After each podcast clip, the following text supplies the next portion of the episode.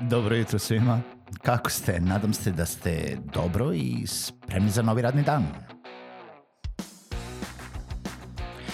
Pozdrav svima i dobrodošli na podcast Male pobede, stari novi podcast koji, well, koji je tu da bi vam kroz pitanje i savete dao motivaciju, pokrenuo vas u pozitivnom smeru i pomogao da ovaj dan počne bolje, jače i možda čak i zabavnije. Moje ime je Željko Crnjaković.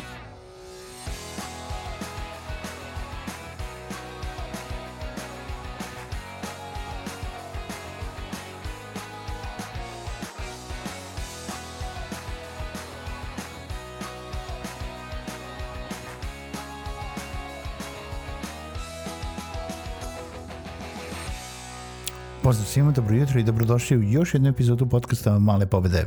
Petak je kraje nedelje i verujem da se sprema neki uzbudljiv vikend za svakog od nas ne znam za vas, ali a, siguran sam i konačno sam ubeđen da će ovaj vikend da prođe malo onako što bi rekli englezi uneventful i da a, ću konačno stići nešto malo da ništa ne radim i možda pogledam a, sve one serije koje, koje su mi se nakupile poslednjih ono tipa jedno mesec i po dana, a, a da nisam stigao da gledam. A, zapravo u ovoj epizodi sam i hteo da pričam o gledanju serija, o, u stvari o ne samo gledanju serija, nego način na koji mi konzumiramo sadržaj, a ako dobro razmislimo, ja ne znam nikoga ko više gleda TV.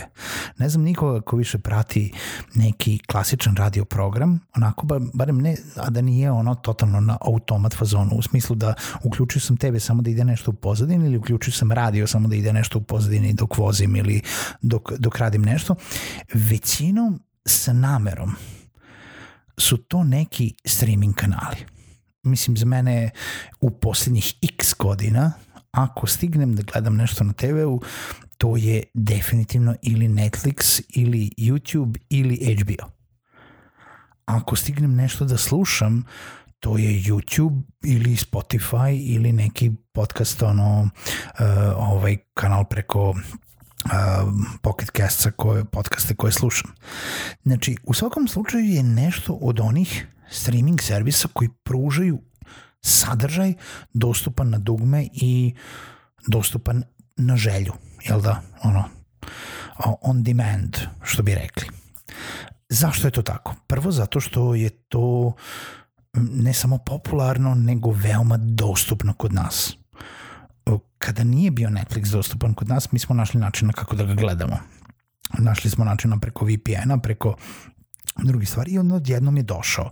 I došao je Netflix pa je onda došao pored, posle toga neka uboga verzija HBO Go-a ovaj, koja je bila katastrofa i koju smo ono svi u početku prvo zamrzeli i onako nekako je evoluirao sada i da kažemo da je donekle dobar uh, taj user experience i UX koji, koji pružaju i imam jedan i drugi i tu i gomila drugih, ima Amazon Prime, ima uh, Fox, ima gomila stvari, može sve, postoji način da dođete do njega. Nek, nešto nije kao javno dostupno, ali može da se desi. Ali svi oni, na primjer sad trenutno Netflix, Amazon Prime, HBO, je veoma legalno i dostupno. Šta više, Spotify je dostupan u Srbiji, to je Spotify trenutno još nije dostupan u Srbiji, ali može da se kupi preko VPN, ali evo imate YouTube Music koji je odjednom postao dostupan i YouTube Premium koji je do, postao dostupan za veoma malu ovaj naknadu. Imate ove druge streaming uh, muzičke servise kao što su uh, Deezer, kao što su uh, pa zapravo ne znam više ni ja na pamet, ali siguran sam da, da, da, da vi znate i da ih ima još. I nije ni point. Point je u tome da kao i naša mlađa generacija, kao naša deca, svi mi živimo u neko vreme te instant um, instant sadržaja gde više ne moramo da pratimo taj sadržaj. Ja ne moram, mislim, rekao mi je uh, prijatelj uh, nedavno kao ja volim onaj moj um, paket koji imam jel da preko Telekoma ili kablovske ili više ne znam uh, da li je EON, da li je SBB, da li je nešto gde mogu da se vratim 24 sata ili 72 sata unazad da pogledam nešto ako sam propustio. Mene to ne zanima. Mene ne zanima da se ja vraćam unazad ako sam nešto propustio. Ja hoću da ja hoću da biram šta ću da gledam kada, sada, odma.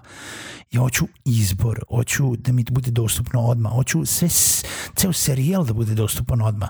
Počeli su me nerviraju one uh, epizode na Netflixu koji kažu ide, ide jednom nedeljno, svake nedelje puštamo novo fuck you, puštamo novu, ne, navi, navikli ste me da hoću da imam celu sezonu, iza cela sezona imam 10 epizoda, to je moj vikend naravno, parafraziram i preveličavam, ali nije nam problem više ni da plaćamo za taj sadržaj. Nije nam problem. Nisu to neke ogromne pare. To više nije uh, do, nedostupno, to nisu više pretplate. Mislim, realno više plaćate kablovsku koju ne gledate za 900 ili 1500 dinara i ne znam neki paket uh, za internet nego što bi plaćali Netflix, HBO Go, Spotify ili YouTube uh, Music koji koštaju svaki pojedin, ok, pojedinac, kad bi sve skupili pa zajedno, onda plaćate mnogo više, ali pojedinačno koštaju mnogo manje nego vaš, recimo, kablovski operator. I dalje, ok, ne možemo sve da gledamo baš na ovome. Uh, ja nisam neki uh, jel, gledalac sporta, pa verovatno oni koji gledaju sport puno više prate te a, televizijske programe i sve sportske kanale koji postoje, ali i to će da dođe na on demand. I to će da dođe na neku platformu gde ćete vi moći tačno u vreme kada je prenos nečega da pogledate. Evo, nedavno sam, nedavno sam otkrio da, recimo, kod nas u Srbiji, jel da pričamo i dalje u Srbiji, veoma redko možete da nađete na TV sportove koji, koji nisu ono, ultra popularni na primjer, sad košarku, odbojku, um, futbol. Naravno, to sve možete da gledate na TV u više repriza, ali ja se ne sjećam kad ste na TV mogli da gledate recimo stoni tenis ili bilijar, ili, a ne mislim snooker, bilijar ili ne znam nije šta. Sa druge strane, recimo, za one ljubitelje stonog tenisa postoji ceo sajt koji ima svaki, svaku ligu, svaki, svako prvenstvo u live streamu. Potpuno besplatno potpuno besplatno. To je bilo fantazija za mene, recimo za neko ko voli da, da gleda. I možete da prikačite to na, preko računara na TV i da gledate kod da gledate na TV. U svakom slučaju, a, znači, sve više plaćamo za taj on-demand sadržaj, sve više prelazimo na to. I onda me neko pitao da li, a, da li je sad problem što YouTube uvodi premium pored toga što je YouTube jel da besplatan ili pun reklama i da li će ljudi i da, recimo se odlučiti da plaćaju. Pa naravno u startu neće, neko će koristiti bloker, neko ovo, neko ali u krajnjoj liniji da, bit će ljudi koji će da plaćaju, bit će ljudi koji će da uzmu YouTube Music, bit će ljudi koji će da uzmu YouTube Premium. I ne mali broj, mnogo ljudi, mnogo ljudi kod nas, zato što je jednostavno lakše.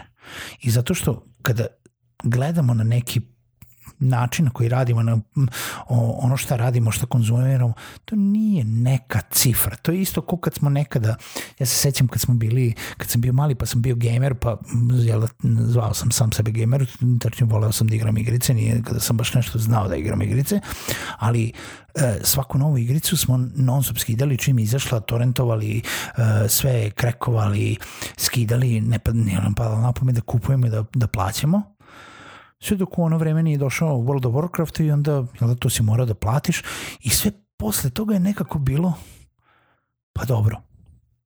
Ako platim to onda radi to radi dobro. Ako volim to da igram ako mi daje zadovoljstvo što da ne.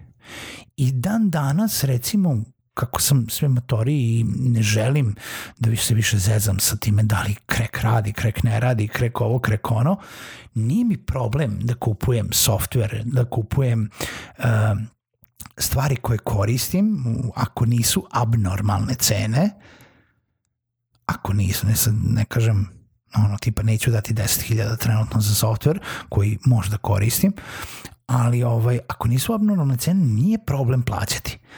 Većina ljudi uh, se odlučuje sve češće da plaća za nešto. I zašto da ne? u koju grupu vi spadate?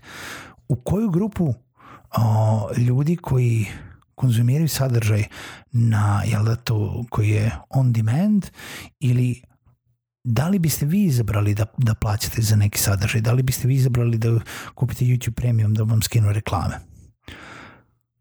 Razmislite o tome. Razmislite o načinu na koji konzumiramo sadržaj. Razmislite ultimativno i na to kako nam deca odrastaju i u kom jel da, okruženju oni odrastaju gde je sve tako on demand i koliko god je to nama dobro sada, da li je to dobro i za njih i da li je to, mislim, kakve, kakve nas sve čini nije da li je dobro ili nije dobro, to je tako činjenica, jel da, i od toga ne možemo pobeći, nego jednostavno koliko sve više postajemo nestrpljivi. Čujemo se u narednoj epizodi Malih pobeda.